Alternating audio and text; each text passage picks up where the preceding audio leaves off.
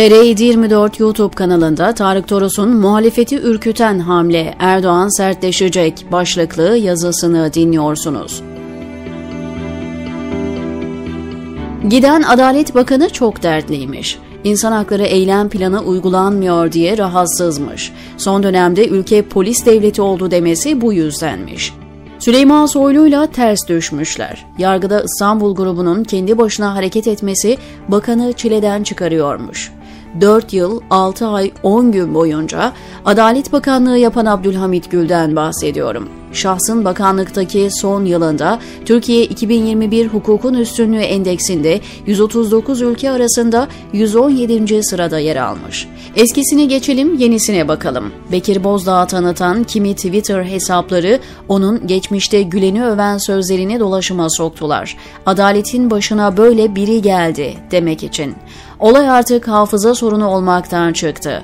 Bozdağ'ın 2013-2017 arasında Adalet Bakanı olduğunu hatırlatmanın, 17-25 Aralık soruşturmalarının sümen altı edilmesiyle başlayıp 15 Temmuz sonrası o hal uygulamalarıyla ayyuka çıkan şiddet döneminin yargıda bir numaralı sorumlusu olduğunu anlatmanın manası yok.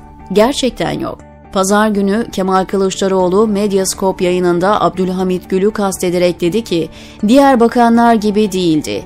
Daha sağduyulu, sakin, olaylara soğukkanlı bakan biriydi. Arkadaşlarımız cezaevi uygulamalarını intikal ettirip sonuç alabiliyorlardı.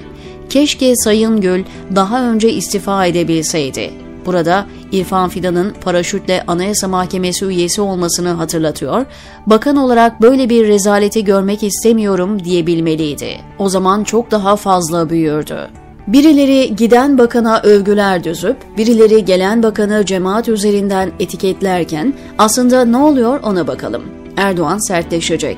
Bunu dış politikada yapamaz ama içeride yapacak. Bu planlanmış bir ajanda değil. Süreç öyle gerektiriyor. Tek adam rejiminin doğal finali. On binlerce insan yıllardır içeride mesletsiz örgüt suçlamalarıyla tutulurken, KHK'lıların çığlıkları hele ekonomik krizde iç parçalarken, ülkede Kürt sorunu ve Kürt yokmuş gibi davranılırken, Ankara Emniyetinden işkence feryatları ayyuka yükselirken, siyaset erbabının çıtı çıkmadı. Şimdi dört buçuk yıl sonra rahatsızım deyip görevden affını isteyen Adalet Bakanı alkışlarla uğurlanıyor.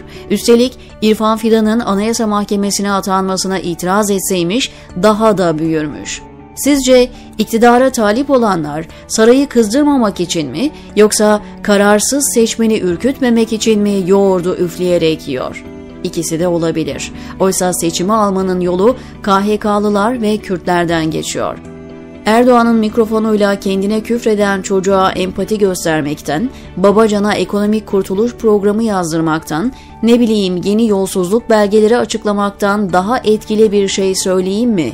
Tüm KHK'ları sonuçlarıyla beraber iptal ediyoruz. Bunu yüksek sesle söyleyip altını imzalayın, kimi isterseniz aday gösterin ama yapamıyorsunuz. Ürkütmekten kaçındığınız şey saray veya kararsız muhafazakar seçmen değil, operasyonun ardındaki devlet. Bunu dersem bana gün yüzü göstermez diye korkuyorsunuz, diyor Tarık Toros TR724'deki köşesinde.